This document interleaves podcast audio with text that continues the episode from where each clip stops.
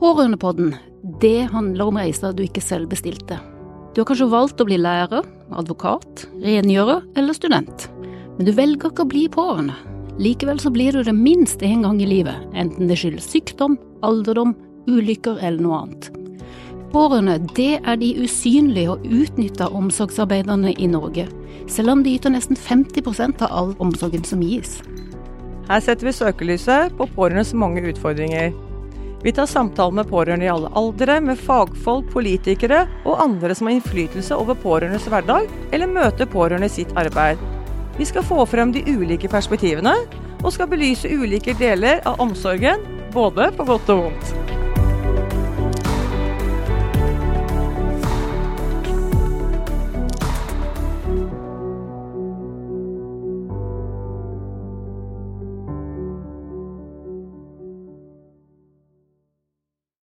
I dag skal vi snakke med Inger Hagen, som er daglig leder i Pårørendesenteret i Oslo, PIO-senteret, og Maida Håkafoss, som er ansatt i Pårørendesenteret i Fredrikstad.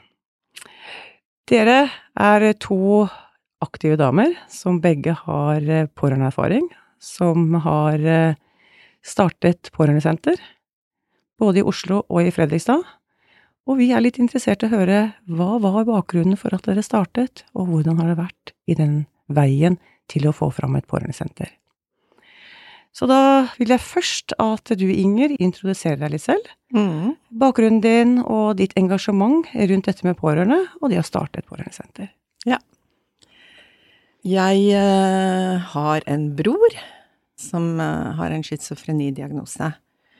Eh, og min mor hun eh, var med og startet LPP Oslo i sin tid. Min bakgrunn er egentlig bibliotekar, men jeg har jobbet som eh, byråkrat i Norad og UD. Og når jeg ble 50, så tok jeg en beslutning Min mor var døende. Så sa jeg opp en fast stilling der. Jeg, er sikkert Jeg tror jeg er den første som har gjort det. Da fikk jeg tid til å være sammen med min mor, og i begravelsen til mor når hun døde, så jeg var 50 år, uten jobb, da møtte jeg de andre som mor hadde jobbet med, som jeg hadde hørt så mye om. Jeg var ikke så interessert i den pårørendeorganisasjonen LPP Oslo. Jeg likte ikke det pårørendebegrepet, og jeg følte at jeg var en søster. Eh, Men så hadde jeg jo ikke jobb, så tenkte jeg kan jeg begynne å jobbe for dere? Litt frivillig. Fordi jeg hadde jobbet med tilskuddsforvaltning, så jeg hadde god bakgrunn i forhold til hvordan få penger ut av systemet. Eh, Fra den andre siden. Og, de, og så begynte jeg med det, eh, og hadde en veldig flott eh, styreleder, Åse Møller, som eh, var en veldig nær venn av mor, og som jobbet sammen med mor. Vi fikk god kontakt, og så hadde vi et lite kontor, en liten sykepleierleilighet oppå Gaustad, hvor jeg satt, og fikk en telefon fra den første pårørende, og etterpå satt jeg og gråt.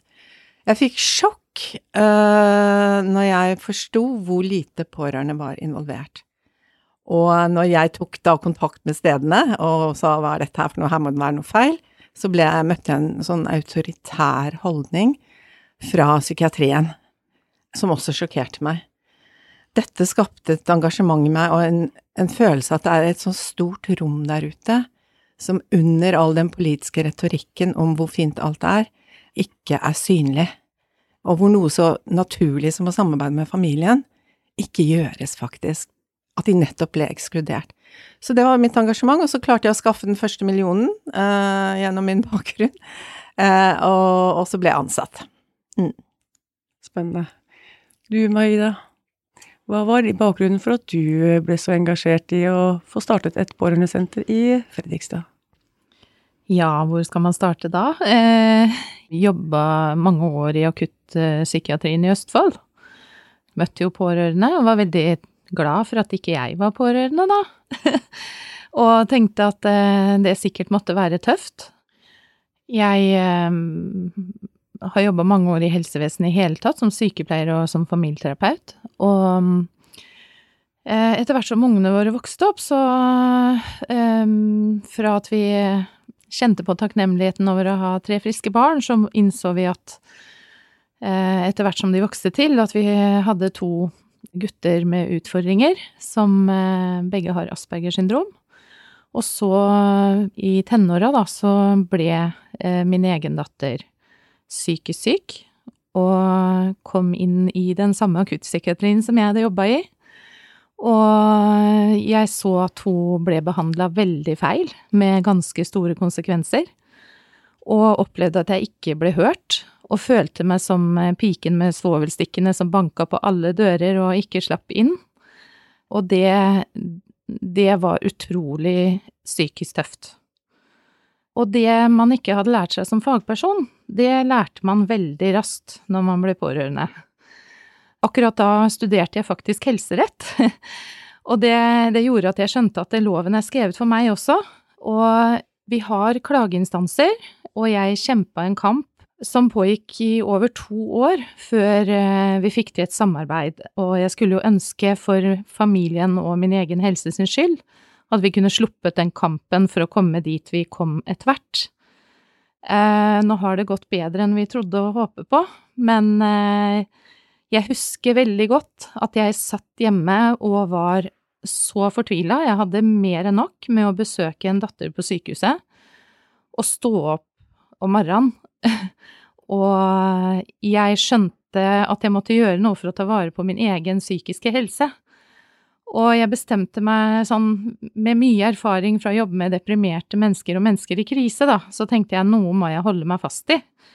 Det er at jeg har veldig mange fantastiske mennesker rundt meg eh, som jeg må prøve å holde tak i.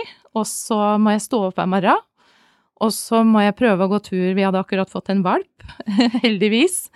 Så jeg må komme meg ut, og så må jeg treffe andre mennesker utafor familien minst to ganger i uka.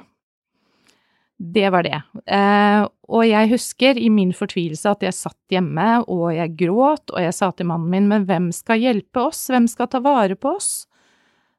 liksom, vi står helt alene. Og da, etter hvert eh, som jeg ble litt mer bevisst, og jeg begynte å oppdage Facebook og, og andre ting, så fant jeg PIO-senteret, og så skjønte jeg at det var jo for mennesker og pårørende i Oslo. Og det, så jeg begynte jo å følge med på hva som skjedde der, og lærte veldig mye, og gjennom det så fant jeg også LPP, og meldte meg inn, og så kom jeg inn, eh, jeg og mannen min, og gikk i en eh, samtalegruppe der Eh, LPP har en veldig aktiv og voksende lokallag i Fredrikstad, eller i Nedre Glomma. Og det var veldig fint, men da hadde vi endelig kommet så langt at vi, eh, at vi hadde fått på plass et godt opplegg og kunne få mer forutsigbare dager. Underveis hadde jeg blitt sykmeldt, og var det langvarig, sikkert i to og et halvt år eller noe sånt. Og når ting begynte å roe seg, så tenkte jeg jo at ja, jeg, jeg skal vel begynne å jobbe igjen, men jeg kan liksom ikke takle hva som helst, og jeg har Helsa mi er fortsatt prega av det vi har vært gjennom. Men da ringer da Jytte Undrum, som eh, loka, er lokallagsleder i LPP, og sa at du, Maida, nå kommer den jobben du skal ha. Eh, Fredrikstad kommune har fått midler til et pårørendesenter. Og eh, da søkte jeg, kjempeengstelig. Hadde kjempestort svart hull i CV-en etter å ha vært pårørende. og eh, kom inn på intervju. Eh, så gikk det en stund, og så fikk jeg en telefon at de ville gjerne snakke med meg en gang til, for de hadde hørt at jeg da hadde vært sykemeldt så lenge. Og når jeg kom til det intervju nummer to med den øverste ledelsen, så sa jeg bare alt som det var, og og fikk bare et stort smil og sa at men det er deg vi vil ha i jobben. Og der starta vi. Eh, vi åpna pårørendesenteret i Fredrikstad 2016. Og siden det så har det skjedd mye, vil jeg si. Ja, du ble jo inspirert av PIO-senteret, da? Pårørendesenteret? Ble veldig inspirert. Det var noe av det første vi gjorde, var jo å reise inn til PIO-senteret. Eh, da hadde jo de kommet veldig langt på de, eh, de hadde, Dere hadde kanskje drevet sånn ti års tid da, i 2016? Eller? Vi startet i 2008. Ja. Mm. Ja, nesten ti år, da. Da hadde jo de kommet veldig langt, og det var veldig inspirerende. Og vi reiste også til eh, pårørendesenteret i Stavanger. Jeg tenkte jeg kunne si det, for jeg bet meg merke til det du sier, hull i CV-en. Jeg har jo lyst til at vi skal ta tak i det, for det der eh, uttrykket der, det trenger vi jo å endre på. Det er jo egentlig å si at vi har livet i CV-en. For det er det det er snakk om, altså. Folk har jo ikke hull i CV-en, de har jo ikke stoppa, de har ikke gått Kanskje noen føler de har gått inn et sort hull, men det er jo altså livet sjøl, og så går dere to ut og egentlig skaper ressurser ut av en situasjon hvor andre kunne tenkt seg å gitt opp. Hvilke utfordringer har du møtt på veien når du begynte med dette her? Du, jeg kan begynne med Inger, da. Hvilke utfordringer møtte du når du, når du begynte? Altså, min fordel tror jeg var at jeg ikke var en belastet pårørende. Så egentlig, hva kunne jeg gjøre for min bror? Det kunne jeg gjøre gjennom den jobben jeg skapte, da som etter hvert ble Pårørendesenteret, og som egentlig er bare på veien mot at det skal bli et systematisk pårørendesamarbeid med pårørende i tjenesteapparatet. Jeg har jo alltid hatt den eh, visjonen. Så min styrke var nok både min eh, yrkesfaglige bakgrunn, og at jeg ikke var direkte så berørt. Eh, sånn at når jeg erfarte det alle de pårørende snakket om i møte med helsevesenet og pårørende, så kunne jeg liksom bruke det engasjementet litt sånn ja, bruke andre sider av meg selv enn bare den pårørende-biten. Det tror jeg var en fordel. En av de eh, organisasjonene jeg, jeg, gjorde mye undersøkelse i starten, og den modellen jeg likte aller best, var den finske pårørendeorganisasjonen innenfor psykisk helse. For det de gjorde, de hadde et styre som besto av pårørende, og så hadde de utelukkende profesjonelle som jobbet i organisasjonen.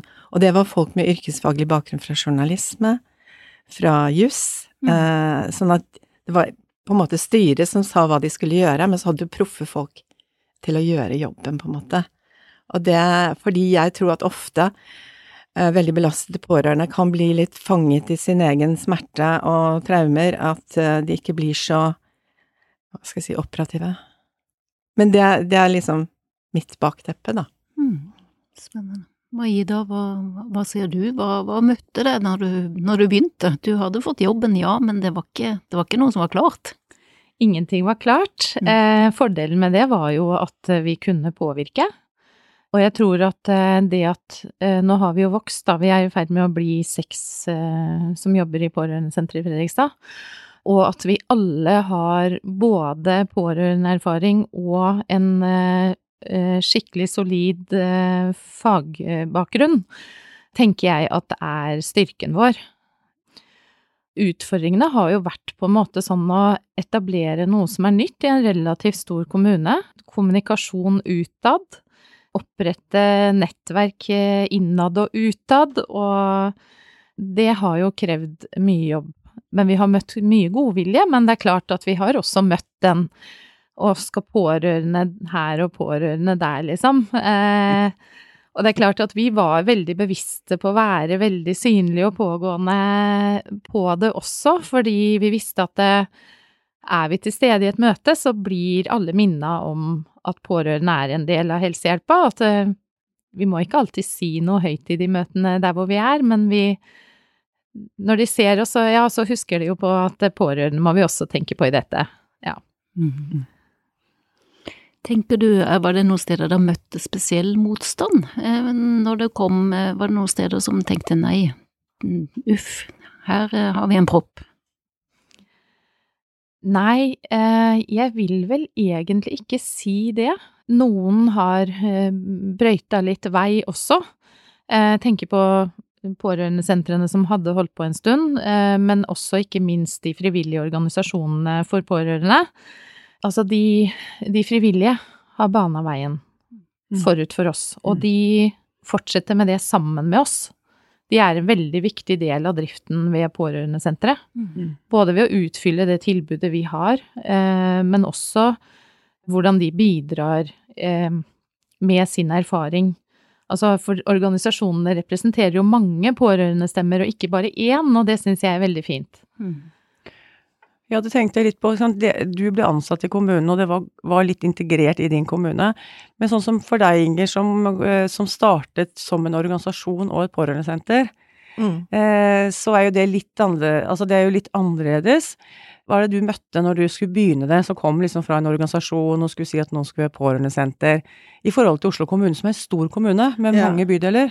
Altså, når jeg, jeg begynte i LPP Oslo da i 2006, og så opplevde jeg denne massive liksom avstanden til pårørende og ekskluderingen av pårørende.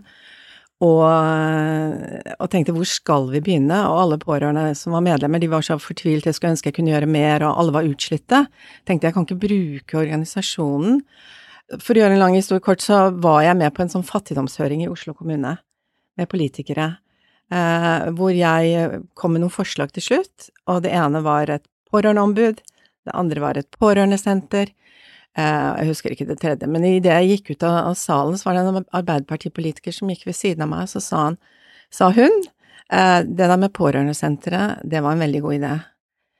Og da tenkte jeg det var et politisk signal, som vi ville sagt i UD. Og, og så tenkte jeg hvis vi har ett sted hvor vi kan hjelpe pårørende, styrke pårørende, da kan liksom den kraften, den folkelige bevegelsen inn mot helsevesenet, få kraft.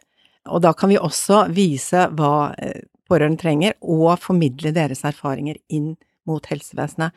Så da jobbet vi politisk med å lobbet intenst i Oslo kommune eh, for å få opprettet et pårørendesenter. Og så gikk det utrolig enkelt, og det er kanskje noe å lære av andre, at du må ha et konkret tiltak som man kan eh, få politikerne med på, og så må du ha en prislapp. Jeg lærte veldig mye av politikere fra Frp til Rødt om eh, hvordan jeg skulle på en måte gjøre den prosessen. Og når vi da fikk etablert det eh, pårørendesenteret, så var det som et partnerskap mellom helseetaten og LPP Oslo. Og det var en intensjonsavtale, en partnerskapsavtale. Det var i 2008. Det partnerskapet har vart siden 2008, men det betydde jo ikke et reelt partnerskap. Så jeg må si Altså, vi møter disse ordene og de riktige ordene hele tiden, men du møter ikke handling. Hvor kom de som kom til pårørendesenteret for å hente ut de erfaringene? Ingenting. Når vi tok kontakt inn i kommunen, så var det nei, vi har ikke noe mandat til å snakke med dere, vi var ikke linka opp i noe annet, men det var noe å jobbe videre fra, og det er jo først nå, de siste årene fra 2014, og det begynte faktisk med én kan bare si det. Det som startet, var at det ble ansatt en samfunnspsykolog i helseetaten som uh, skulle orientere seg. Så kom hun på PIO-senteret uh, for å spørre meg hva jeg syns om psykisk helse i Oslo kommune generelt. Og så uh, satt hun og noterte, hun var en veldig sånn systematisk dame, og så hadde vi da en fast avtale én gang i uka. Og da fikk jeg liksom formidlet, og ut fra det begynte et reelt partnerskap mellom henne og meg, som da endte med et kurs, som da nå etter hvert har blitt pårørendestandard og et kompetanseprogram. Så det tok fra 2014 Du var med på det første møtet, Anne Grete, hvor vi hadde et sånt møte hvor vi skulle snakke om hva er det som skal til for et systematisk samarbeid, hva trenger dere? Og da svaret fra de Og da var det liksom uh, guiden senket seg hos de som var der, for vi hadde vært rundt og snakket om uh, pårørende som en ressurs, og alle folk bare satt sånn du kan snakke og snakke og si de riktige tingene hele tiden, men når vi brakte folk sammen i en sånn workshop, så begynte det. Men det var Hvor mye har jeg ikke jobbet med dette her? Mm. Med fra piloten i Ullern bydel, Bjerke, vi var i Farsund kommune, lagde en verktøykasse. Men når nå først det begynte med Tone Tellevik-Dahl, nå med Robert Steen, byråd som også har pårørendeerfaring, som nå har tatt det enda høyere enn vi kunne drømt om i det nye som skjer nå. Mm. Men det viser Jeg har jobbet i motbakke. Det er strukturelle hindringer.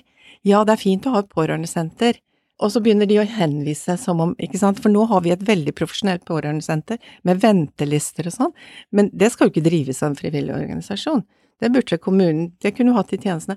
Vår jobb, min jobb, er å gå inn og få dette til å bli en integrert del i alle helse- og sosialtjenester at pårørende er en del, og at vi integrerer det. Selv i PIO-senteret så skilte vi det, for vi har jo den personlige ombudsordningen som retter seg mot de psykisk syke. De var der, og så var de pårørende der. Men nå bringer vi hele familien inn, og det gir så mye bedre resultater. Og det er den modellen vi vil se der ute, da. Men poenget mitt var å si, altså, jeg mener det er viktig at vi er en pårørendeorganisasjon som driver det, men vi har profesjonelle folk, de har også alle sin pårørendeerfaring men det er vi som styrer det, ikke sant. Vi er friere, på en måte, og vi pusher videre. Mm. Ja, for det, det er jo litt det, Maida, at du, det der, du har brukt mange år. En partnerskap kan jo virke fint, men hvor lenge du ikke er en part, så er du ikke noe med. Men for integrerte, eh, Maida, du hadde kanskje noen kommentarer til det? Ja, jeg satt og lytta til Inger nå, og så kjente jeg at det er litt godt å høre henne si eh, akkurat det eh, hun sa nettopp, da. At ting tar tid, og jeg ser jo Dere spurte jo tidligere om utfordringer liksom i i å etablere et pårørendesenter, så er jo vi også opptatt av at det aller viktigste pårørendearbeidet, det skjer jo ute i alle tjenestene. Det er jo ute i helsevesenet. Mm. Det gode pårørendesamarbeidet Altså, man kan ikke smykke seg med et pårørendesenter og så ikke, ikke jobbe med pårørende Altså integrere pårørende i all helsehjelp, da. Mm. Så det er jo klart at det, det er en jobb vi aldri kommer til å bli ferdig med den delen av vårt senter som er et kompetansesenter som skal løfte pårørendearbeidet i kommunen, den jobben blir aldri ferdig. Men så er vi jo også da et veiledningssenter for pårørende. Men det er så utrolig viktig. Kanskje hadde pårørendesenteret nærmest blitt overflødig hvis, hvis alle helsetjenestene var gode på å mm. samarbeide med pårørende. Mm. Og ikke, ikke bare helsetjenestene, men samfunnet, da. Eh, vi tenker på å gjøre det økonomisk og sosialt mulig å være pårørende. Mm.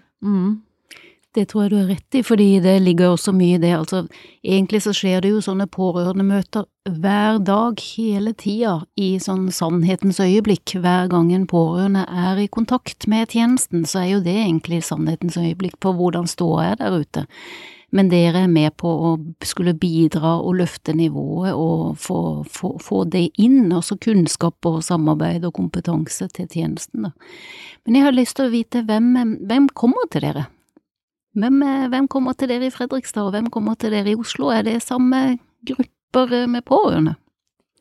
Vi starta jo som et pårørendesenter innen psykisk helse og rus, mm -hmm. de første to åra i hvert fall. Ehm, og fortsatt så er det den gruppa som kommer først og fremst til oss. Men det blir stadig flere andre også.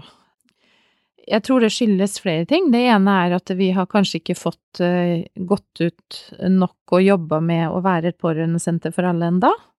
Det tar tid. Men så tror jeg også at vi aldri kommer bort fra at når det er psykisk helse og rus inne i bildet, så kan det være eh, helt andre stigmaer for familien rundt enn ved mange andre tilstander og sykdommer, da. Mer eh, sånn skyld og skam, skyldfølelse mye, atferd som kanskje er uakseptabelt, som er vanskelig å, å leve med rundt seg og sånn. Men det er klart, alle, alle kategorier pårørende opplever jo mange utfordringer. Mm. Men vi er der jo eh, veldig mye fordi Altså, vi flagger at pårørende har også en psykisk helse. Det er ikke bare pasientene som har det. Eh, hver gang noen er dårlig, så får vi som er pårørende, får jo alle disse reaksjonene og krisene, vi også. Så det er liksom det å spille på begge deler, da. Mm. Men eh, vi ser jo ellers at det er stort sett alltid over halvparten av de som kommer til oss, er foreldre til unge voksne og voksne innen psykisk helse og rus. Ja. Men vi har også besteforeldre, naboer, søsken, tanter og onkler til og med. Eh, alle, alle kategorier, vil jeg si. Ja. Døra er åpen og lav terskel. Mm. Mm.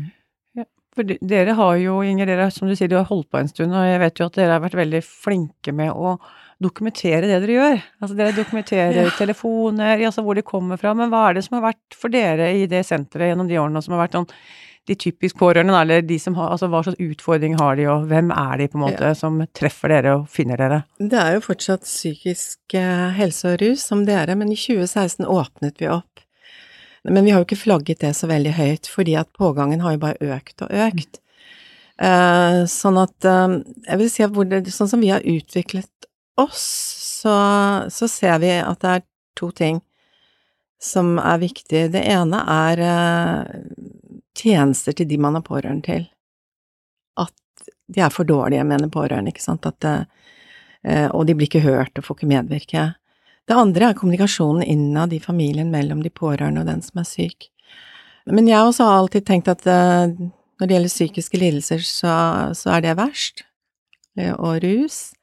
Men jo mer jeg har kommet inn i forhold til demens, for eksempel, og alvorlig sykdom uh, generelt, kreft og den type ting, så påvirker jo det den som har sykdommen psykisk også, ikke sant. Med alvorlig sykdom følger depresjon, følger angst, og så selvfølgelig det med pårørende. Det, pårørende kan ofte bli så alene, sånn at vi integrerer det mer og mer, at vi har familiesamtaler, at den som er syk også bringes inn, og at det er så mye mer effektivt eh, når alle kommer sammen og på en måte mm, løser opp i ting. Nå har vi veldig dyktige folk som jobber hos oss, som har jobbet med familiearbeid i psykiatrien, så de har mye sånn teknikker og sånn som de kan lære bort. Men fra at det var mest foreldre og gamle mødre, eh, de står mitt hjerte fortsatt veldig nært, så er det nå mer og mer barn, eller som nå har blitt voksne, søsken og partnere. Så når vi har samtalegrupper nå, så har vi alltid en foreldregruppe, en partnergruppe og en eh, eh søsken- og voksne barn-gruppe. Og så fortsetter de Det som har vært veldig viktig for meg, er at ja, ok, du kan gå i en samtalegruppe som er proff, liksom, men du trenger en støttegruppe videre i livet. Så nå har vi ni selvhjelpsgrupper som fortsetter å møtes, og de kan gå i årevis. Og da har du etablert Jeg er så opptatt av sånn empowerment av pårørende. Vi kan hjelpe hverandre. Vi må ikke hele tiden gå til helsevesenet. Og det gleder meg veldig. Og de går og bruker lokalene våre, er helt uavhengige. Og det ser jeg er viktig òg. Mm. mm. Og det var jo litt det, Inger, som dere sier, at dere har stor pågang. Og vi som paraplyorganisasjon eh, prøver å holde oversikt over de tiltakene eller de pårørendesentrene hvor pårørende kan få hjelp. Og vi har eh, de siste året prøvd å få myndighetene til å være, kanskje ha en egen pårørende side, da, dermed kan på en måte si ok, er du pårørende, hvor kan du få hjelp? Og hvordan er det dere greier å kommunisere ut, fordi det er vel kanskje litt tilfeldig hvem som vet om PIO-senteret, hvem som vet om senteret i, i uh, Fredrikstad. Men hvordan når dere ut til disse, og hva er det kanskje dere ønsket at man skulle gjøre, slik at alle fikk tilgang til den informasjonen, som kan være på nettet, eller møte opp hos dere, eller få disse flotte tilbudene dere har? Hva tenker du, Maida?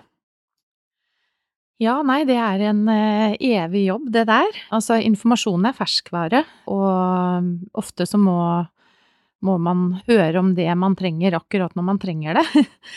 så det å være synlige, det tenker jeg både i eh, vår vei har vært sosiale medier, eh, først og fremst Facebook. Men også det å stikke fjeset innom TV, radio, ha arrangementer løfte fram artikler i avisa, egentlig alle, alle steder man kan være synlig, da. Mm. Eh, men det er jo en utfordring midt oppi at man har mange andre arbeidsoppgaver også. Mm. Mm. Ja, for oss har det eh, endret seg, for de to siste årene så er, har vi så stor pågang fra mm. pårørende at det er venteliste for samtaler og grupper, sånn at vi kan ikke ta av for det. Men eh, vi holdt på i mange år for å gjøre oss synlige overfor pårørende. Nå er jeg mer opptatt av å være synlig overfor helsetjenestene. Eh, mm. Ikke sant, at vi vil påvirke de. Nå har det startet to pårørende eh, kontakttelefoner i, to, i tre bydeler, og det heier vi på. Fordi at eh, vi har ikke behov for Altså, vi vil bare være et slags sånn forsøkssenter hvor vi kan eh, vise til modeller og hva som funker, men vi vil at dette skal skje der ute. Derfor så vil vi gå inn i dette med mer kompetanseheving og hvordan jobbe som Altså representere pårørende inn mot tjenestene i det som nå skjer i Oslo. Og da, da, må vi vekte hvor mye vi kan bruke de få ressursene vi har. Mm. Og jeg syns jeg bruker mye tid på å booke timer og sånn, som jeg egentlig burde brukt til noe annet for å Så der er vi nå. Så nå reklamerer ikke vi så mye ut til tjenestene. For vi vil heller ikke. Jeg hadde nylig det skjer noe i psykiatrien, for eksempel, det var noen som sa til meg, leder for et DPS, nei, men har du ikke hørt om taushetsplikten? Vi forholder oss ikke til pårørende.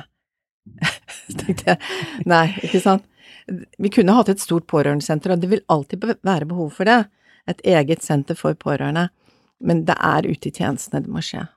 Det må bli en naturlig del av alle tjenester. Jeg tenkte på det, for dere er jo rause og heier på tjenesten, men har dere noen i fagfeltet eller fagfolk som heier på dere? Har dere ambassadører som fagfolk, altså som tar tak i det og sier jøss, dette må vi jo faktisk bli bedre på. Vi, øh, vi heier på Pårørendesenteret og ønsker formelt samarbeid, eller øh, på annen måte være en ambassadør og tenke at øh, jeg skal være en endringsagent for bedre samarbeid i tjenesten som fagperson. Du har jo begge hattene, Maida, sånn sett med det.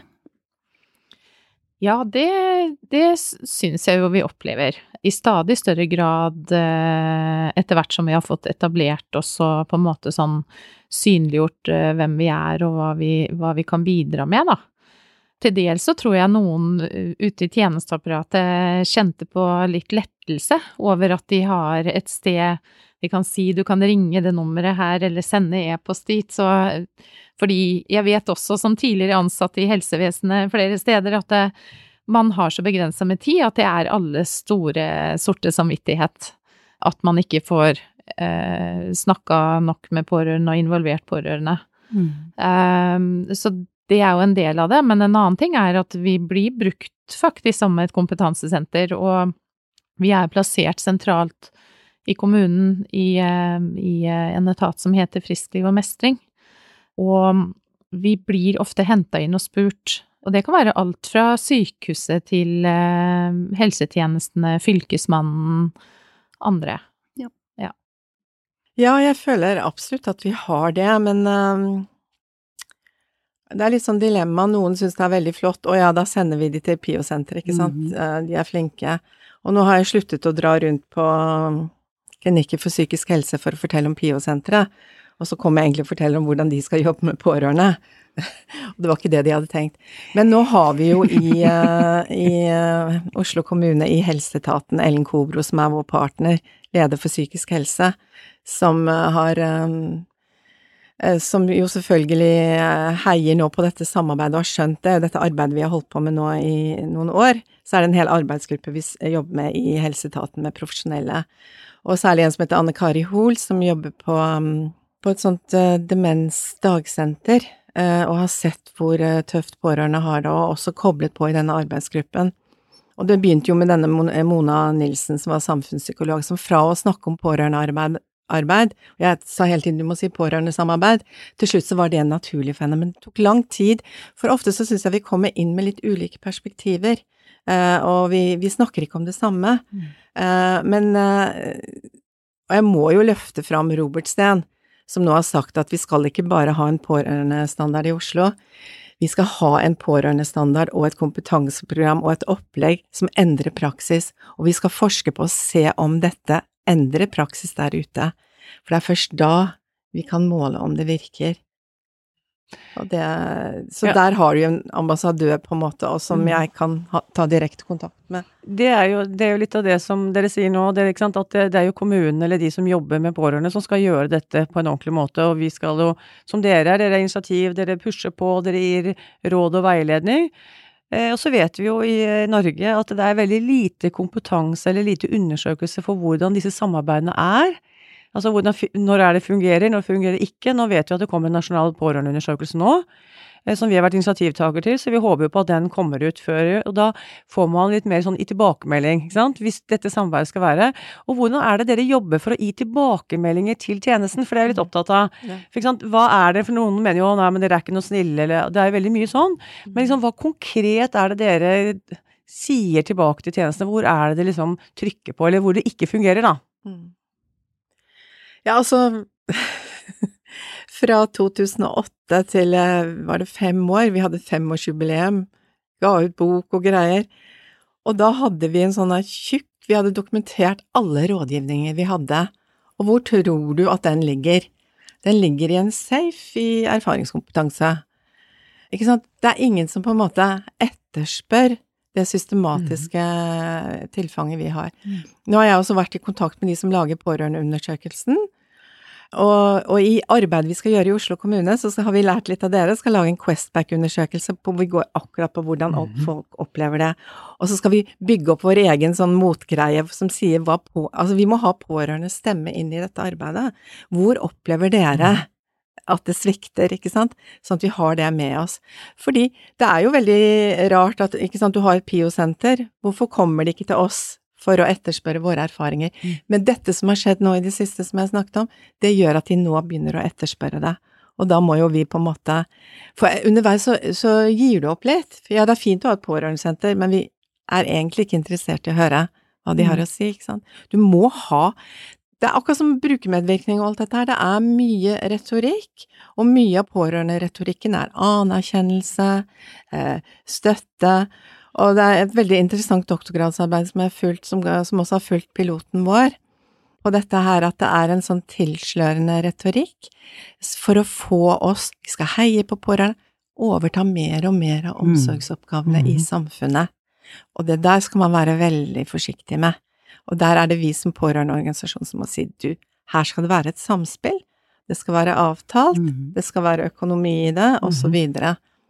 Fordi den derre klappe for pårørende-greia, det er jeg skeptisk til. Mm. Jeg tror du har helt rett, for det er jo en tilslørt, også romantisert mm. av hjemme-best-holdning, og dette med at vi skal være hjemme lengst mulig, og en sånn familie nær vår lune favn, og der har du det best eh, hele tida, på en måte. Eh, så jeg tror du har helt spot on på det med, med heie på pårørende, med masse fine ord, men ikke med konkret hjelp, tiltak eh, andre ting som man faktisk stenger, trenger for å yte denne ja, frivillige omsorgen som, eh, som det skal være, da. Mm. Og at man ikke blir en pleier, men en hjelper, som da de fleste ser for seg det mest naturlige i det. Mm. Og tenk bare på dette her litt groteske hospital at home. Ja. Mm.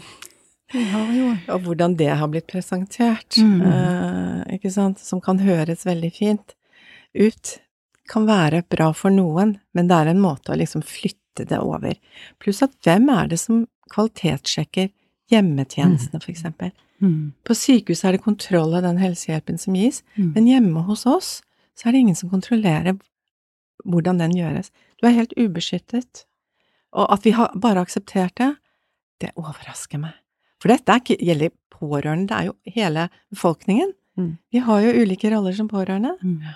Det er jo litt det som vi har jo, vi har jo vært og sett på noe av dette, og, og dette som du sier, ikke sant. Vi, vi, overtar mye av omsorgen, og det, noe vil vi, og noe ja. ser vi er en utfordring. Og vi har jo eh, det er jo mange år siden at man har beskrevet i eh, noe som skal sies om pårørendeomsorg, at man foreslår en samarbeidsavtale. Ja.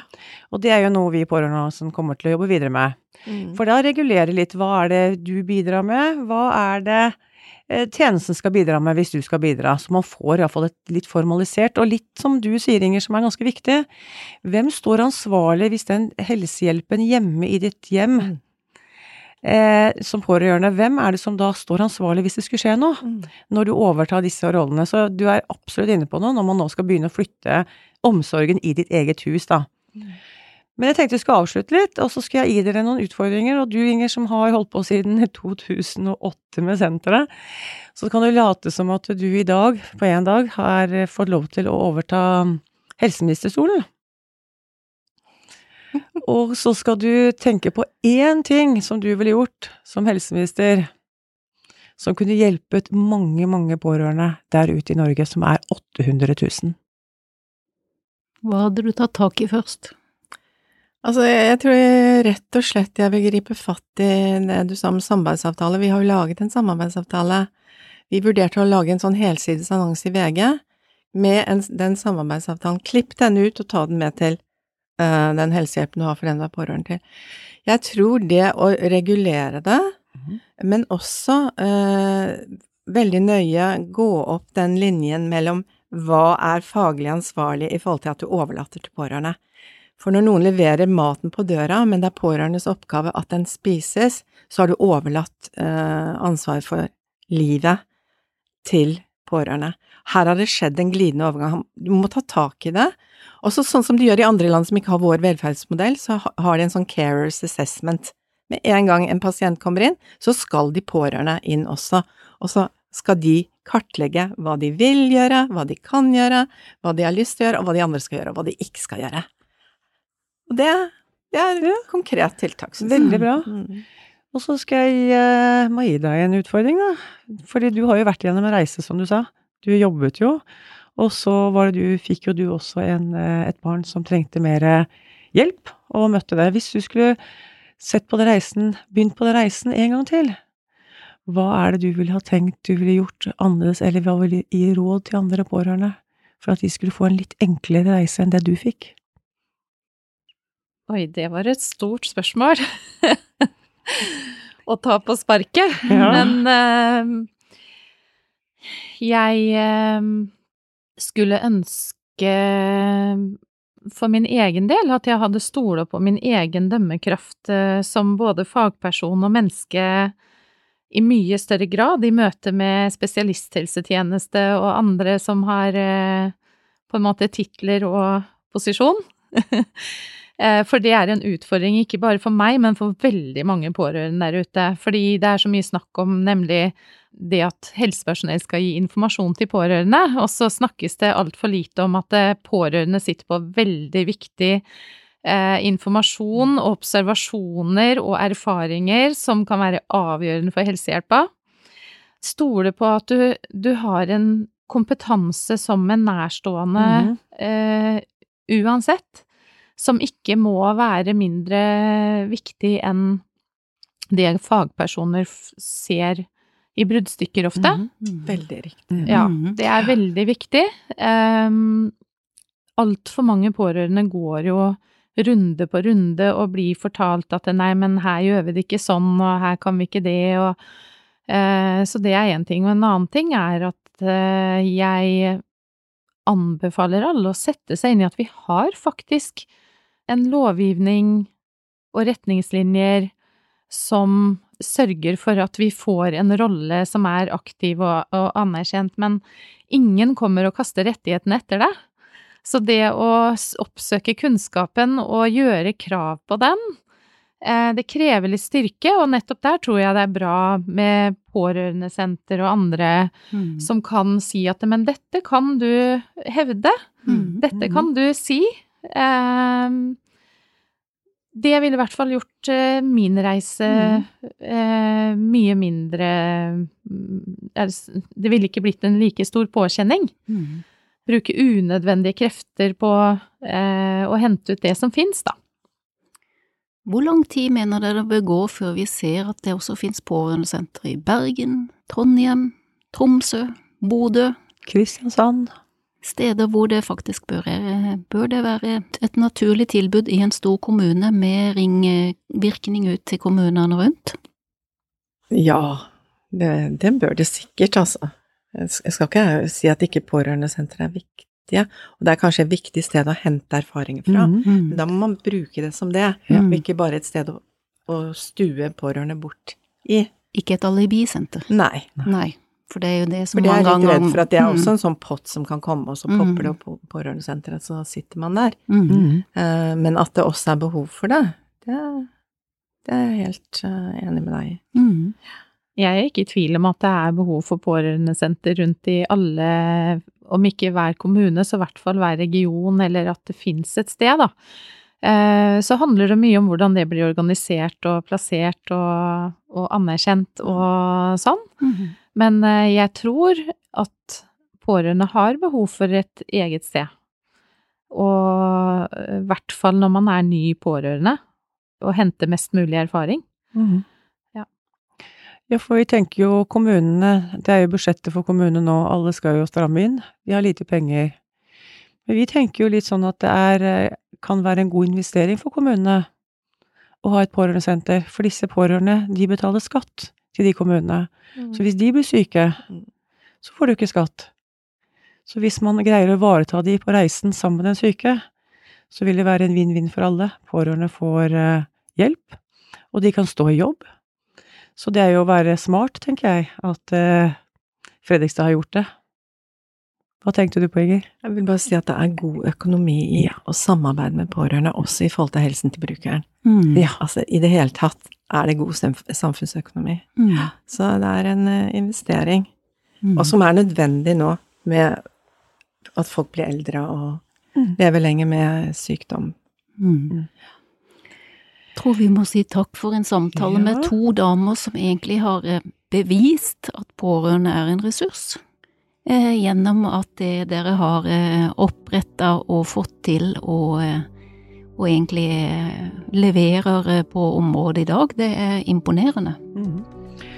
Da vil vi avslutte med å eh, oppfordre lytterne våre til å se på nettsidene våre, pårørendealliansen.no.